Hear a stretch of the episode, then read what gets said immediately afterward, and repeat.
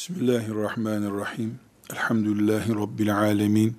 Ve sallallahu ve sellem ala seyyidina Muhammedin ve ala alihi ve sahbihi ecma'in. Allah Celle Celaluhu Abdullah'ın oğlu Muhammed'i sallallahu aleyhi ve sellem peygamberi olarak insanlığa gönderdi. O da kendisine iman edenlere Allah'ın onlara göndermiş olduğu Kur'an'ını ve o Kur'an'ın açıklamaları olan hadislerini yani sünneti emanet etti. O gün onu görenleri o emaneti yerine getirdiğine dair şahit tutup Rabbine gitti. Böylece yüzde yüz bir peygamber Allahu Teala'nın muradının tecelli etmesine sebep oldu. Allah son peygamberinin bütün insanlara mesajını getirmesini başarılı bir şekilde bitirsin diye murad etmişti. O gerçekleşti. Veda hutbesinde on binlerce insan şahidiz. Sen görevini yerine getirdin diye şehadet ettiler. Peygamber sallallahu aleyhi ve sellemin Kur'an ve sünnetten oluşan emaneti teslim edip gittiği on binlerce sahabinin yani onu görenlerin o gün şahitliğiyle belgelidir. Bugün aradan 1400'den fazla sene geçtikten sonra geri dönüp bakıyoruz o günden bugüne kadar ona iman edenler o emaneti kıyamet sabahına kadar sancak gibi taşımakta ve bir sonraki nesle emanet olarak vermektedirler. Bugün, dün, önceki gün bu konuda büyük bir görev üstlenen alimler şüphesiz bu hizmeti yerine getirdiler. Ama Resulullah sallallahu aleyhi ve sellem on binlerce sahabiyi karşısına alıp size benden sorulacak kıyamet günü. Ne diyeceksiniz? Ben görevimi yaptım mı? Bu emaneti size ulaştırdım mı? diye sordu. O zaman onu görme şerefine, dinleme şerefine erenler, evet şahidiz, sen görevini yaptın dediler. O da huzur içerisinde Rabbine gitti, Rafik-i A'la'ya yükseldi. Ondan sonra, başta ashab-ı kiram olmak üzere, Allah onlardan razı olsun. O günden beri, o emaneti yaşamanın en üst gayesi olarak, bu hayatta bulunmanın en üst gayesi olarak algılayıp, bütün dünya insanlığına ulaştırmak için gayret edenler oldu. Ashab-ı kiram en başta, alimler, muhaddisler, fakihler, herkes bu işten bir görev üstlendi. İnsanlar sanki başka türlü aç kalacaklarmış gibi sanki nefes alamayacaklarmış gibi büyük bir heyecanla Peygamber sallallahu aleyhi ve sellemin bıraktığı emanet olan hadisi şeriflerine ve en başta da Kur'an-ı Kerim'e sahip çıktılar. Onu yaymaya çalıştılar. Elbette Ebu Hureyre radıyallahu anh'ın İbni Abbas'ın, İbni Mes'ud'un, İbni Ömer'in, İbni Amr'ın ve benzeri Allah onlardan razı olsun ashab-ı kiramın bu işteki rolünün değerini biçmek mümkün değil. Binlerce kere Resulullah sallallahu aleyhi ve sellem demişti ki diyen Aişe radıyallahu anhayı takdir etmek mümkün değil. Şu kadar önemliydi yaptığı iş demek mümkün değil.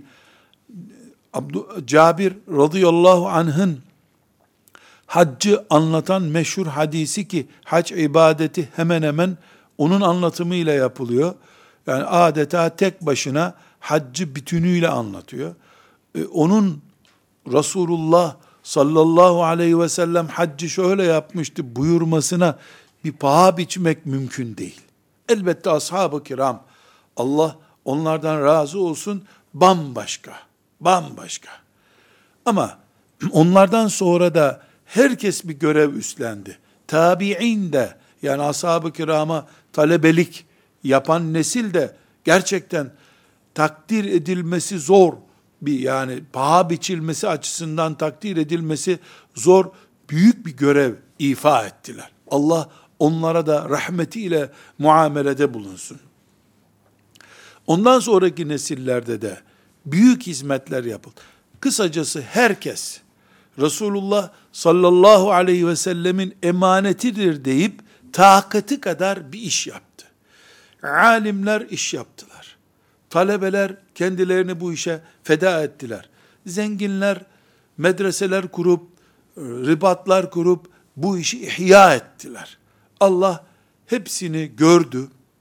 Melekler kaydettiler ve kıyamet günü bu yüz binlerce insan, daha doğrusu elimizde kaç kişi olduklarına dair bir istatistik yok.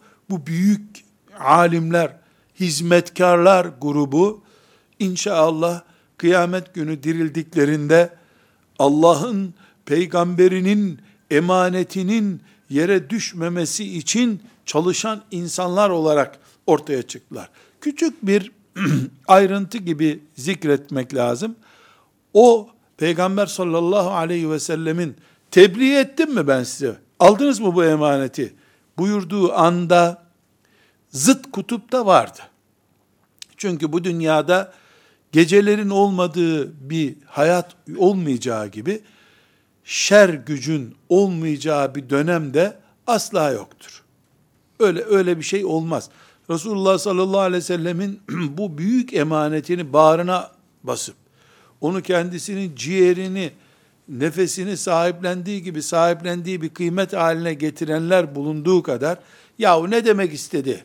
Mâzâ kâle ânifâ ne anlatıyor bu peygamber şimdi? Diyenler o gün vardı. Ashab-ı kiramın döneminde vardı. Tabi'in döneminde vardı. Tabi'inden sonraki dönemde vardı. Ahmet bin Ambel'in karşısına çıktılar. Buhari'nin karşısına çıktılar. Abbasi döneminde vardı. Osmanlı döneminde vardı. Bugün de var. Yarın da var olacak. Mâzâ kâle ânife. Bu peygamber ne diyor şimdi? Kur'an öyle dediler diyor gidip Peygamber sallallahu aleyhi ve sellemi dinlemek şerefine nail oldular. Mehda kâle hanife. Bu peygamber biraz önce ne anlatıyordu? Dediler. Bunu sıfırlamak, yani bu parazit grubu sıfırlamak mümkün değil. Onları sıfırlamak için uğraşmaya da görevimiz yok bizim. Biz Resulullah sallallahu aleyhi ve sellem bu emanetini bıraktı. bu emaneti bir grup e, yok etmek için çalışacaktır. Şeytana da iş lazım. Şeytan da geçinecek bu işten deyim yerindeyse. Biz ise emaneti taşımak için hazır bekleyen görevliler olmak tarafındayız. İnşallah ona muvaffak oluruz. Yani Allah'ın peygamberinin emanetini sahiplenmeye çalışanlardan, bir nefes olsun ona soluk vermeye çalışanlardan, bir adım onu öteye götürmeye çalışanlardan olmak isteriz. Görevimiz de budur zaten. Bugün bu bir nefes olsun Resulullah'a sallallahu aleyhi ve sellem destek vermek, emanetine sahip çıkmak gayretiyle yaşamış alimlerden birisini burada zikretmek istiyorum. Ee, bu alimimizi ve eserini konuşacağız. İki şeyden dolayı. Birincisi, inde zikri salihine tenzilur rahme denmiştir. Salihlerin konuşulduğu yere rahmet iner. Biz bu zatı konuşalım. Allahu Teala görsün, melekleri de yazsın ki biz Allah'ın dostlarını, Allah'ın peygamberine ve şeriatına hizmetle ömür geçirmiş kullarını konuştuk, konuşmaya çalıştık. E, Allahu Teala bizi onlarla beraber görürse, ola ki kıyamet günü onların bulunduğu yere bizi götürür. Hak etmesek de bugünkü temennimiz o gün işe yarar diye düşünüyorum. Bir, iki, bir nebze olsun bugün Resulullah sallallahu aleyhi ve sellem buyurdu ki dendiğinde bunun bize nasıl ulaştığını böyle varsayımlar üzerinden. Demiştir muhakkak peygamber böyle bir şey. Diye mi insanlar bunu bize söylüyorlar? Yoksa biz bizzat yüreğimizden ikna olmuş olarak gerçekten Resulullah sallallahu aleyhi ve sellem Efendimiz buyurdu diye gönül rahatlığı ile mi bir hadisi şerifi sahipleniyoruz? Elhamdülillah ben şu sağ elimi şimdi gözümün önüne getirip sağ elimi parmağım, parmağım, parmağım, parmağım, parmağım ve elim diye böyle nasıl görüyorsam Bukhari'deki, Müslim'deki bir hadisi şerifi de öyle görüyorum. Öyle görüyorum. Aişe radıyallahu anha dedi ki Resulullah sallallahu aleyhi ve sellem şöyle buyurmuştu derken yani ki ennehu oradayım da Ayşe anam konuşuyor da ben de dinliyorum gibi hissediyorum. Elhamdülillah. Böyle düşünürken yanılmış olsam bile bana mutluluk veriyor bu. Yanılmış olsam bile mutluluk duyuyorum. Birileri beş kuruş etmez dünyanın sıfır kuruş etmez aşkı uğruna sevgilisini rüyasında görünce sabahleyin mutlu kalkıyor. Dostlarına poğaça ısmarlıyor da ben binlerce kere belgelenmiş bir şekilde Aişe dedi ki Resulullah şöyle buyurmuştu aleyhissalatü vesselam haberiyle niye mutlu olmayacağım?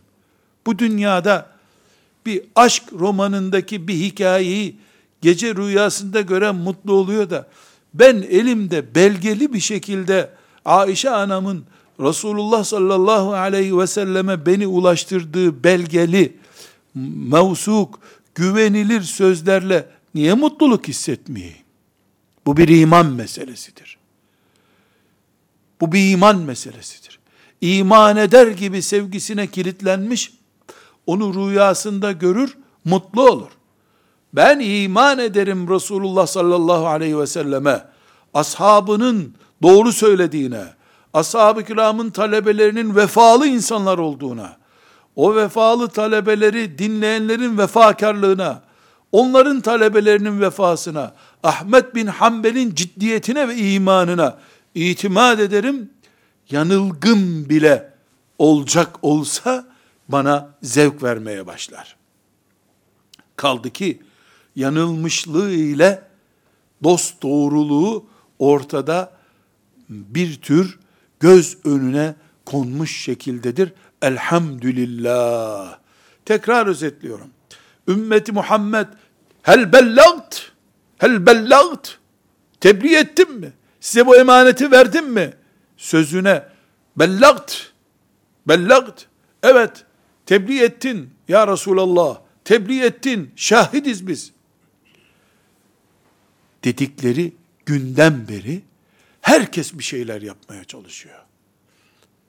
İman ediyor, sahipleniyor, hizmet ediyor, şeref kazanıyor. Herkes bir şeyler yapıyor. Şer tarafı, iblisin güruhu da karşı tarafta yapacağını yapıyor. Bu kıyamete kadar böyle devam edecek. Bir gün bozulmayacak bu düzen. Böyle devam edecek. Bazen iblisin sesi biraz gür çıkacak. Bazen de müminler daha gür ses çıkaracaklar. Ama kıyamet gününe kadar Resulullah sallallahu aleyhi ve sellemin emaneti biiznillah korunacaktır. Emelimiz ve göklere yükselecek kadar geniş ve yüksek arzumuz odur ki bir karınca ağırlığı kadar da olsa bu büyük emanet taşıma serüveninde Allah bize de pay nasip etsin. Böyle temenni ederiz. Resulullah dedi ki sallallahu aleyhi ve sellem sözcüklerinde bizim de payımız olsun diye temenni ederiz Allah'tan. Gafur ve Rahim olan, latif olan Allah bize de bunu nasip eder diye düşünüyoruz. Bugün sadece bir örnek, on binde bir belki örnek olmak üzere bu ümmetin bu büyük emanetini taşıyanlardan birisini konuşacağız. Muhammed bin İshak İbni Huzeyme isimli alimi konuşacağız. Ve kitabını konuşacağız. Muhammed bin İshak İbni Huzeyme. Rahmetullahi aleyh. Nisaburlu bir insan bu. Nisabur'da doğmuş, büyümüş, yaşamış. Hadis alimlerinden birisi. Sahihi İbni Huzeyme isimli kitabı var. Bu onun kitabıdır. Sahih isimli İbni Huzeyme'ye mal edilen hadis kitabıdır.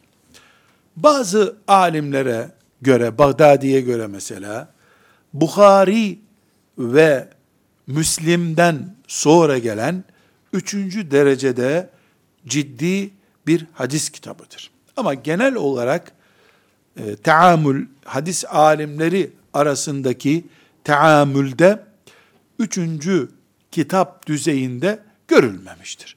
Üçüncü kitap Ebu Davud'dur. Nesai'dir, Tirmizi'dir, İbni Mace'dir. Ama e, Sahih İbni Huzeyme de ciddi hadis kitapları arasındadır. Hicretin 311. senesinde vefat etmiş. Yani Resulullah sallallahu aleyhi ve sellemle e, onun vefatı arasında tam 300 sene var. Bu ne demek? Bukhari'yi görememiş, Müslim'i görememiş, Ebu Davudlar, İbn Maceler zamanına yakın bir zamanda doğmuş. Ama onların talebelerinden değil. Onlardan sonraki kadrodan geliyor çünkü. İbn Huzeyme kısaltılmış olarak kullanalım. İbn Huzeyme hadis alimleri arasında muteber bir hadis kitabı yazmış. Burada büyük bir ibret olması bakımından hepimizin de ders çıkarması için faydalı olan bir not getireceğim. Onu anlatan biyografi kitaplarında deniyor ki çocukken Resulullah sallallahu aleyhi ve sellemin zemzem suyu hangi niyetle içilirse o niyete vesile olur şeklindeki hadisini duymuş. Bir gün zemzem içerken Allah'ım ben peygamberinin hadislerine hizmet eden bir alim olmak istiyorum. Bu zemzemi de o niyetle içiyorum diye niyet etmiş. Kendisi de daha sonra o zemzem suyunu içmekle zihninin hadis ilmine kaydığını, açıldığını hissetmiş. Böyle bir not var hadis kitaplarında. Bunu niye zikrettim? Hepimiz zemzem arayalım, içelim. İçerken de muhaddis olmak istiyoruz diye niyet edelim tavsiyesi için değil. Çocuk da olsan, büyük de olsan Resulullah'ı ciddiye al. Sallallahu aleyhi ve sellem. Onu ciddiye alırsan, o ciddiyet işine yarar. Dünyada yarar, ahirette yarar. Onun için bunu zikretmeye çalıştım. Bu Sahih İbni Huzeyme içinde her ne kadar sahih hadis kitabı diye isim koymuşsa da içinde zayıf hadisler de bulunuyor. Bu zayıf hadisler daha sonraki alimler tarafından çok fazla dikkat çektiği için Bukhari ve Müslim'den sonra e, üçüncü sıraya getirilmemiş. Çünkü o sıralama hadis kitabındaki sahih hadislerin sahihlik oranına göre belirleniyor. Ama buna rağmen bu kitapta e, 3573 hadisi şerif var. 3573 hadis var. 7 farklı konuda bunları toplamış. 7 farklı hadis e, kitapları dizilirken mesela namaz kitabı diye bir kitap ismi, kitaba bölüm adı veriliyor. Böyle 7 kitapta toplamış bunları. Bu kitabı telif ederken İbn Huzeyme rahmetullahi aleyh 40 hocasından okumuş bunları. Yani 40 tane hadis hocasının önüne oturmuş. Ondan hadisler ezberlemiş o 40 kişiden o 40 halimden topladığı hadisleri 3573 hadisi şerifi bu kitaba derc etmiş. Şimdiki gibi önüne kitabı açıp şuradaki hadisi Filistin'den arayıp bulduktan sonra kendi doktora tezine yazma şeklinde telif edilmemiş bu kitaplar. Bukhari, Müslim, İbn Huzeyme, kimse hadis alemi bildiğimiz alim kitap yazmak için bir defa masaya oturmuyorlar. Bunlar hoca peşinde dolaşıyorlar. Duyuyorlar ki Nisa burada bir alim var, 300 hadis biliyor. Gidiyor ona önüne oturuyor. O 300 tane hadisi ondan ezberliyor. Hocasına diyor ben bunları ezberledim. Hocası dinliyor. Ona icazet veriyor. Ne demek icazet veriyor? Sen bu hadisleri düzgün ezberlediğine kefilim ben diyor. Yahut da o 300 tane mesela 300 tane 300 rakamı zapt edilmiş değil. O 300 tane e, hadisi bir kitaptan okuyor. Yine hocaya gidiyor. Ben senin e, hadis rivayet ettiğin hadisleri ezberledim diyor. Okuyor. Peki diyor, dinliyor. Bunun en güzel örneği İmam Şafii'dir. İmam Şafii rahmetullahi aleyh Muvatta isimli kitabı ezberlemiş. İmam Malik'in kitabını gitmiş İmam Muvatta'nın önünde onu okumuş. İmam Muvat Malik de ona icazet vermiş. Yani Muvatta'daki hadisleri doğru ezberlediğinin kefiliyim demiş. İcazet bu. Hadis ilmiyle meşgul olanlar bu şekilde hadis ezberliyorlar. Masaya oturup mesela ben bir ders çalışacağım zaman Bukhari'yi önüme koyuyorum, İbn Mace'yi koyuyorum. Mesela işte elbiseyle ilgili hadisleri arıyorum. Hadisi buldukça not ediyorum. Öbür kitaptan buluyorum. Bukhari'den buluyorsam daha aramıyorum zaten. Ama yoksa İbn Mace'ye geçiyorum. Yoksa Ahmet bin Hanbel'e geçiyorum. Güven sırasına göre takip ediyorum. Büyüklük, sahihlik sırasına göre takip ediyorum. Kapatıyorum kitapları gene rafa koyuyorum.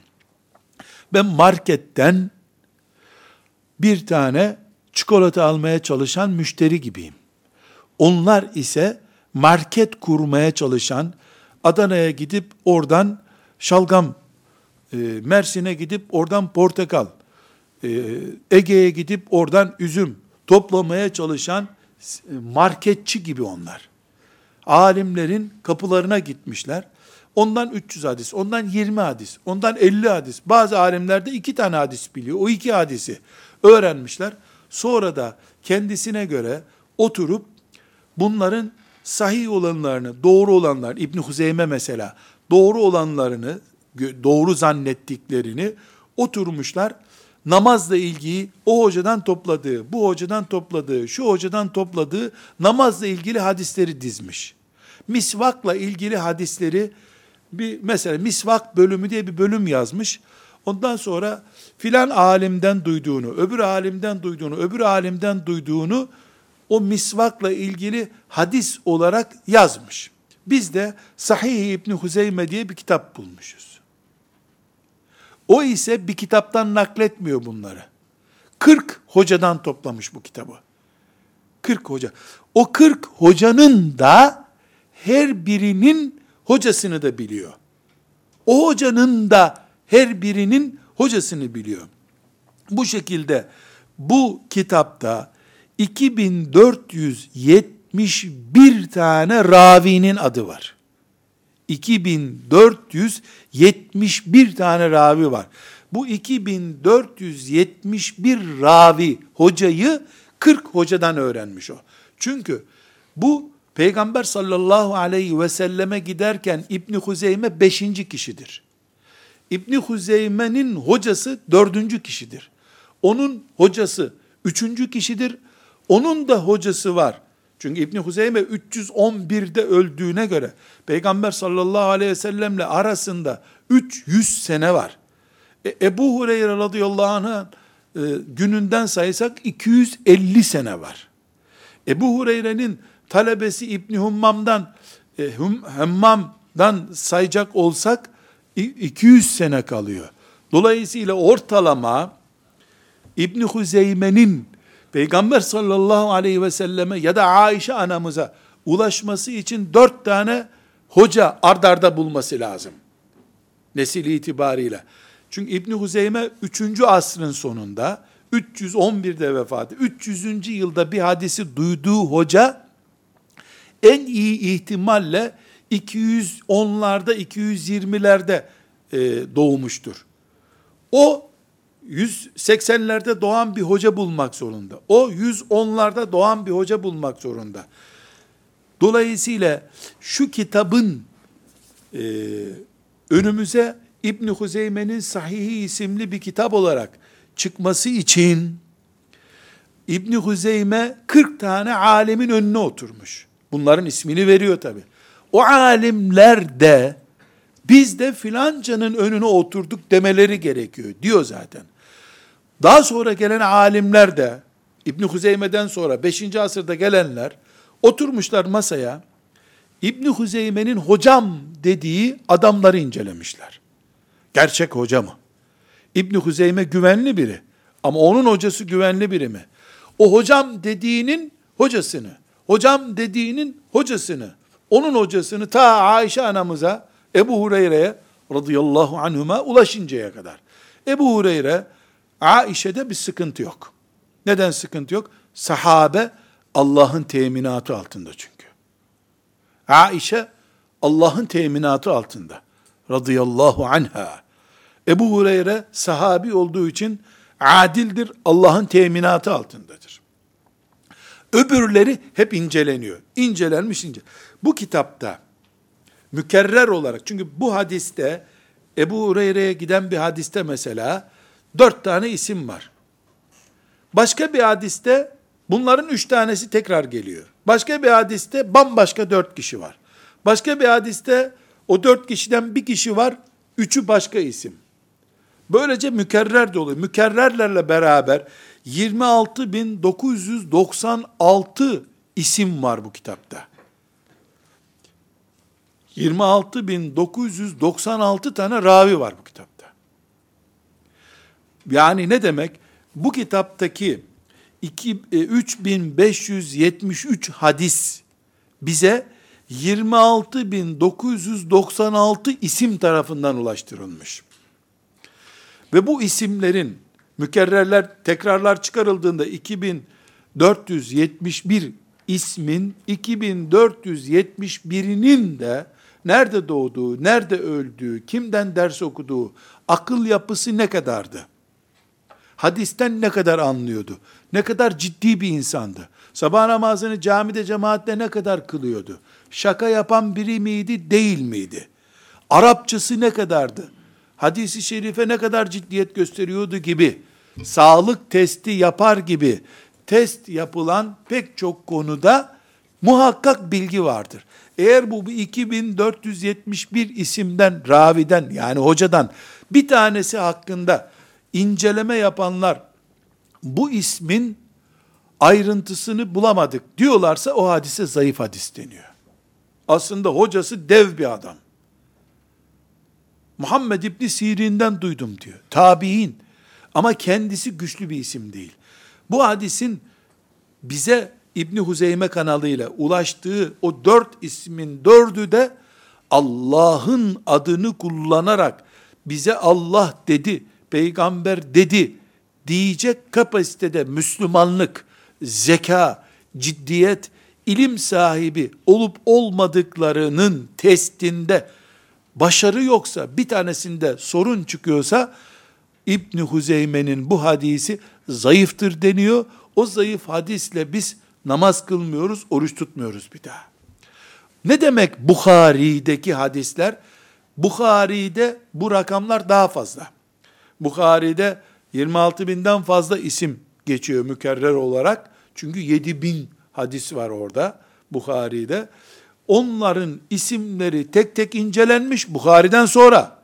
Bukhari zaten iyi diye onları alıyor. İbni Huzeyme de iyi alıyor. İbni Huzeyme'nin kitabı da sahihtir ismi. Bukhari'nin kitabı da sahihtir. İkisi de sahihlik iddiasında bulunmuşlar. Ama daha sonra gelen alimler sandığı açmışlar, kutuları açmışlar, düğmeleri çözmüşler, tek tek bu isimleri incelemişler. Ondan sonra doğru söylüyor Bukhari demişler. İbn Huzeyme işte 120 hadiste yanlış düşünmüş demişler. Hocasını tam anlayamamış demişler. Bunu bir örnekte bu kitabın 145. hadisi şerifini örnek aldım. İbn Huzeyme'nin sahihinde 145. hadisi şerifi örnek aldık. İbn Huzeyme diyor ki şimdi bir hadis nasıl bize ulaşıyor onun örneğini görüyoruz. Haddesena El Hasan İbn Kaza'a İbn Ubeydin el Haşimi. Bu adam bir numaralı isim. El Hasan İbn Kaza'a İbn Ubeyd el Haşimi. Bu İbn Huzeyme'nin hocası. O da haddesena Süfyan İbn Habib. Bu El Hasan İbn Kaza'nın hocası da Süfyan İbn Habib'miş. İkinci isim. An İbn Cureyç. İbn Cüreyç de Süfyan'ın hocası. O da ondan duymuş. O da an Osman İbni Ebi Süleyman. Osman İbni Ebu Süleyman'dan duymuş. O da dördüncü isim. O da an Ubeyd İbni Umeyr, an Ubeyd İbni Umeyr, o da Ubeyd İbni Umeyr isimli şahıstan duymuş beş. İbni Huzeyme bir, El Hasan iki, Süfyan üç, İbni Cüreyş dört, Osman beş, Ubeyd altı. An Aişete, Aişe, Resulullah'ın zevcesi, müminlerin anası Aişe, Kale Resulullah sallallahu aleyhi ve sellem, Resulullah dedi ki diyor, Es-sivâku matharatun lil femi, mardatun lir Rabbi. Misvak, ağzı temiz tutar, Allah'ı memnun eder. Bu sözü, misvakla ilgili sözü, Ayşe anamızdan kim duymuş? Ubeyd ibn Umeyr isimli tabi'i duymuş. Ondan kim duymuş? Osman İbni Ebi Süleyman duymuş. Ondan kim duymuş? İbn Cüreyç duymuş. Ondan kim duymuş? Süfyan İbni Habib duymuş. Ondan kim duymuş? El Hasan İbni Kaza'a duymuş. El Hasan İbni Kaza'a İbni Huzeyme'nin hocası. İbni Huzeyme de bunu kitabına yazmış. Peki, nereden güven verdi bize İbni Huzeyme'nin? İbni Huzeyme'yi sevdik biz. Nisa burada gittik, baktık, medresesi güzel, takva bir adam, yalan söylemez. El Hasan İbni Kaza'yı da inceledik biz. Gelişi güzel, notlarını bulmadık. Hatıra kitabında bul, onu da inceledik. Nerede doğdu? Ner mesela İbn Huzeyme'nin El Hasan İbn Kaza'yı görüp görmediğini araştırdık biz zaten. Ne zaman gitmiş ders okumuş bunu inceledik. Peki polis mi varmış peşinde? Polis yok, ümmet vardı peşinde. Şimdi polis evrakta sahtecilikleri inceliyor. O zaman La ilahe illallah Muhammedur Resulullah diyen herkes Resulullah adına ciddi mi konuşuluyor diye inceliyordu. Ümmet peygamberiyle dertliydi o günlerde. Şimdiki gibi haber bültenlerinin arasında yürümüyordu bu işler. Tez olsun ilahiyatta, tez yazayım da ünvan alayım diye değil, Resulullah'ın emaneti diye sahip çıkıyorlardı. El Hasan İbni Kuze'a Süfyan'ın talebesiymiş. Doğru mu? İnceliyoruz. Süfyan mesela 205'te vefat etmiş. El Hasan 200 200'de doğmuş. 5 yaşında bu bundan hadis okuması zor. Bu bilgi yanlış. İncelenmiş. Hadis böyle bir ilim. Bu emanete böyle sahip çıkılmış. İnşallah bir sonraki derslerimizde göreceğiz. Bu Süfyan'ın Osman'la İbn Cüreyş'le nasıl buluştuğunu, bunun hakkında nasıl puan veriyor bu alimler? Ne hakla kendisinden 200 sene önce yaşamış birisinin mezarını mı çıkarır, DNA testi mi yapmışlar? Emin olunuz DNA testi yapılsa o kadar olmaz. Giriyor Nisa bura. Bu Nisa burada İbni Huzeyme ile ilgili söylenmiş sözleri topluyor. Dostlarına, düşmanlarına müracaat ediyor. İbni Huzeyme hakkında ne biliyorsunuz diyor. Biri diyor ki, namazlarında ciddi bir adamdı ama 75 yaşındaydı, eğri büğrü konuşmaya başlamıştı. Not ediyor bunu. Öbürü diyor ki, ya biz onu yaşayan sahabi zannederdik diyor, not ediyor. Onlarca, yüzlerce görüş top, anket yapar gibi. Sonra diyor ki bize, İbni Huzeyme 75 yaşından sonra bunamaya başlamış. Beyaza kırmızı demiş. Dolayısıyla İbni Huzeyme'nin ilk hadis rivayetleri çok değerli. Onlar sahih. Yaşlıyken rivayet ettikleri ise sorunlu. Onları zayıf kabul edelim. E ne zaman rivayet ettiğini bilmiyoruz, koy bir kenara onu. Resulullah adına ihtimalli konuşamayız biz. Nefes nefes bileceğiz bu adamı. Çünkü benden sorulacaksınız kıyamet günü. Ben bu görevi yaptım mı demişti veda hutbesinde. Kıyamet günü sorgulanacağız biz bu hadislerden dolayı. Öyle Diyanet Riyazu Salih'in bastı, biz de okuduk, selamun aleyküm, sonra hacca gittik. Bu kadar kolay değil bu işler. Emanet. Resulullah sallallahu aleyhi ve sellem Allah'tan almıştı. Biz de Resulullah'tan aldık. Bizden de çocuklarımız alacak. Hadis konuşuyoruz. Hadis dindir, din. Dinde bir kültür değildir. Dindir olduğu gibi. Bu örnekte misvak ağzı temizler, Allah'ı razı eder hadisinde bunun bize nasıl ulaştığını İbni Huzeyme'de gördük. Bu İbni Huzeyme'de var, pek çok başka hadis kitabında da var. Bazı hadisler sadece İbni Huzeyme'de var tek tük. Ama biz buradaki isimler neydi? El Hasan, Süfyan, İbn Cüreyç, Osman, Ubeyd, Aişe. Başka bir yerde dönüyoruz İbn Mace'de aynı hadisin Es-sivaku matharatun lil fermi mardatun lir rabbi hadisini başka isimlerin getirdiğini görüyoruz. Nisabur ta Hazar Denizi'nin kenarında. O tarafta. Yemen'de Abdurrazzak'a bakıyoruz bambaşka isimlerle Ayşe böyle dedi diyor. Güven de buradan geliyor zaten. Bunlar internetten, Whatsapp'tan birleşip bunu yazamazlardı o gün. Yemen'de Abdurrezzak aynı şeyi söylüyor. Hocaları da bambaşka. O da üç, o üç tane isim veriyor. O daha yakın çünkü. O hicretin ikinci asrının adamı. Bakıyoruz ki bu söz Yemen'le Nisabur'a nasıl gitmiş? O tarafa giden sahabiyle bu tarafa giden sahabi ya da oraya giden tabi ile buraya giden tabi Ayşe'yi gören iki kişi farklı kanallarla bakıyoruz dört beş kanaldan geliyor bu sefer. Dinimiz elhamdülillah varsayımlarla bize ulaşmadı. İmanla. İman gördükleri ilim gayretiyle bize ulaştı elhamdülillah. Burada kıyamet günü içimden geçen sevda İbni Huzeyme nerelerdeyse orada olmak istiyorum. Çünkü 3500'den fazla hadis rivayet etmek demek. Bu hadis bir defa okunduysa, her hadis bir defa okundu. 3500 kere Allahümme salli ala Muhammedin ve ala ali Muhammed denmesine vesile olmuş. Hiçbir şey olmadıysa. Onlarca konu var. İbni Huzeyme'den öğrenilmiş. Bir buçuk milyar Müslüman şu anda belki on konu diyelim. On konu İbni Huzeyme kanalıyla bugün biliniyorsa bir buçuk milyar Müslüman onunla amel ediyor demek.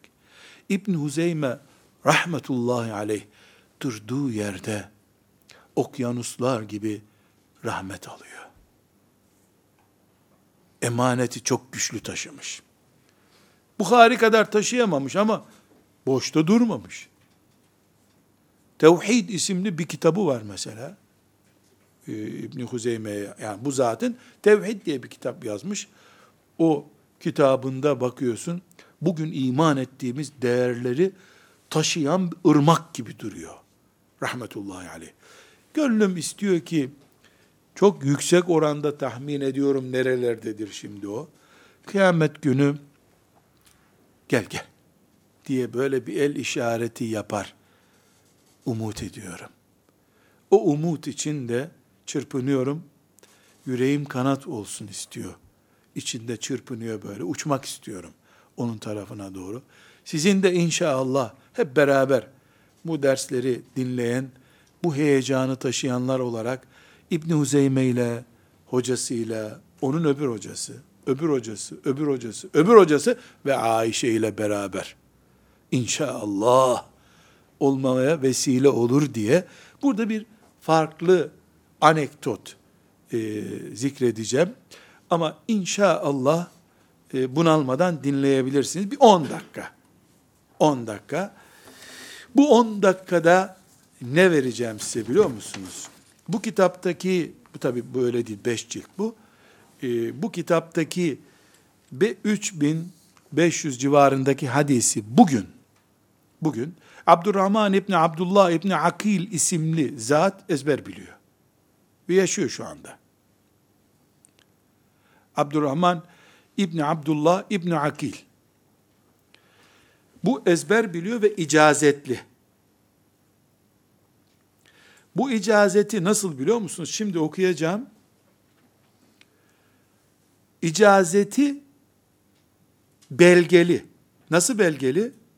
Çünkü ona icazet veren hocası da İbn Huzeyme'yi ezber biliyor. Böyle şimdi dikkat ediniz. Beraberce bu zat Ayşe anamıza kim? Abdurrahman İbni Abdullah İbni Akil. Ayşe anamıza ve Resulullah'a nasıl ulaşıyor? Bir büyük mucizeyi keşfedeceğiz. Bu zat yaşıyor. Gidilip ziyaret edilebilir. Onun da talebeleri olduğundan e, zannediyorum. Yani bu içindeki 3500 hadisi ravileriyle beraber ezber biliyor. Yani bu bahsettiğimiz 20 kaç hadis 26.996 kişinin ismini mükerrer bir şekilde sayarak bu hadisleri ezber biliyor. Yaşıyor. Sanal bir şey konuşmuyoruz. Bitirme tezi yazmamış bu adamlar. Ve bunu ezberlemek için de muhakkak önce Bukhari'yi ezberlemiştir. Öyle bir kültür yok. İbn Huzeyme ezberlenmez çünkü. Bukhari'yi ezberlemiştir. Hocası oğlum şimdi İbn Huzeyme'yi ezberle demiştir güneş kadar açık bir gerçek. Şimdi bakınız. Abdurrahman İbni Abdullah İbni Akil yaşıyor. İbni Huzeyme'yi ezber biliyor. Hocası Abdullah İbni Abdülaziz İbni Akil bu adam da 1400 Hicri rakamları konuşuyor. 1432'de vefat etmiş. 1432-1439'dayız. 7 sene önce hocası ölmüş. Herkesin gözü önünde de buna icazet vermiş. Onun da hocası Ali bin Nasır bin Muhammed Ebu Vadi el-Anzi. O da Hicri 1361'de vefat etmiş. Aralarında ne kadar fark var? 60 sene kadar fark var. Onun hocası Muhammed Ömer İbni Haydar er-Rumi. Onun hocası Muhammed, Mahmud İbni Süleyman Es-Sekenderi. Onun hocası Muhammed Denmehuri Eş-Şafii. Bu 1288'de vefat etmiş. Onun hocası Muhammedil Emir el-Kebir 1232'de vefat etmiş. Onun hocası El-Bedir Muhammed bin Salim el-Hafni Eşşafii 1182'de vefat etmiş. Onun hocası Muhammed bin Muhammed bin Muhammed bin Ahmed el-Bediri el-Hüseyni 1140 yılında vefat etmiş. Onun hocası Molla İbrahim el-Kürdi en-Nakşibendi 1103'te vefat etmiş. Onun hocası tabi Kürdi kelimesi yabancı bir kelime değil, Kürdistan Müslümanı demek ki. Alim adam. Bu kitabı ezber biliyormuş. 1103 yılı yani 4 300 sene önce. Ee, onun hocası Safiyüddin Kaşşaşi el-Medini 1071'de vefat etmiş. Onun hocası Eşşems er-Ramli 1004'te Hicri vefat etmiş. Onun hocası Zekeriya el-Ensari 926 yılında vefat etmiş. Onun hocası İzzeddin Abdurrahim el-Ma'ruf ibn Firat 851 yılında vefat etmiş. Onun hocası Ebu Hafs Ömer İbnül Hasan İbnü Mezid el-Meragi 778'de vefat etmiş.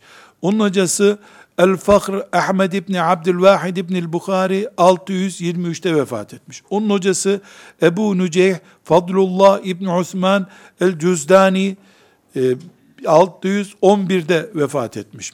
Onun hocası Ebu Bekir Abdurrahman İbni Abdullah El-Buhayri 540'ta vefat etmiş. Onun hocası Ahmed İbni Mansur İbni Half el-Maghribi 462'de vefat etmiş. Onun hocası Ebu Tahir Muhammed İbni Fald İbni Muhammed İbni İshak İbni Huzeyme Huzeyme'nin e, amcası 387'de vefat etmiş. Ebu Bekir Muhammed İbni İshak İbni Huzeyme 311'de vefat etmiş. Onun hocası 40 tane hocası var. Onlar farklı tarihlerde vefat etmişler. Bu kitabı bugün ezber bilen Abdurrahman İbni Abdullah İbni Akil 1, 2, 3, 4, 5, 6, 7, 8, 9, 10, 11, 12, 13, 14, 15, 16, 17, 18, 19, 20, 21. İbni Huzeyme bu kitabın müellifi ile bugünkü şahıs arasında 20 kişi var. Bu 20 kişinin kimlikleri belli, icazetleri belli, nerede doğdukları, nerede öldükleri belli, nasıl hadis biliyorlardı belli. Bugün Abdurrahman İbni Abdullah İbni Akil denen kişi, Allah ömrüne bereket versin, Resulullah dedi ki derken Ayşe anamızı dinliyor gibi diyor. Hadis dindir. Ümmeti Muhammed bu dine böyle bakmış, böyle sahiplenmiş. Allahu Teala'nın huzuruna da böyle çıkacaklar.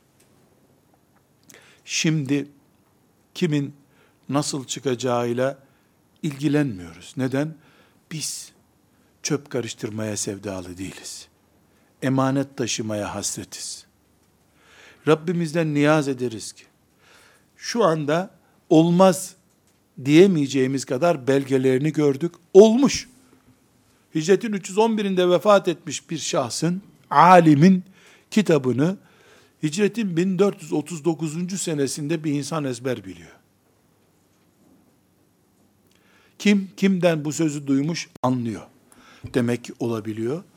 Demek ki ümmeti Muhammed hala peygamberinin emanetine sahip elhamdülillah.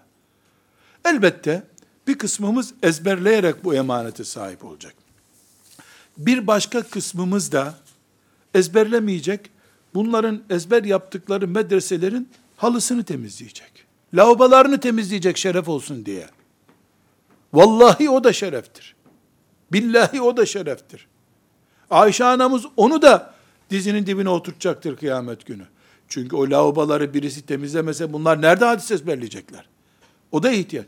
Bir kısmımız onlara çorba pişirecek. Bazı kadınlar da onların gidip bulaşıklarını yıkayacaklar. Herkes Resulullah'ın emanetine aleyhissalatü vesselam sahip çıkacak. Münafıklar da işini yapacaklar. Kızmak küsmek yok. Kızmak yok. Herkes işini yapacak. Niye bu münafıklar var demeyeceğiz. Biz varken boşuna çalışıyorsunuz diyeceğiz. Doğru olan budur. Velhamdülillahi Rabbil Alemin.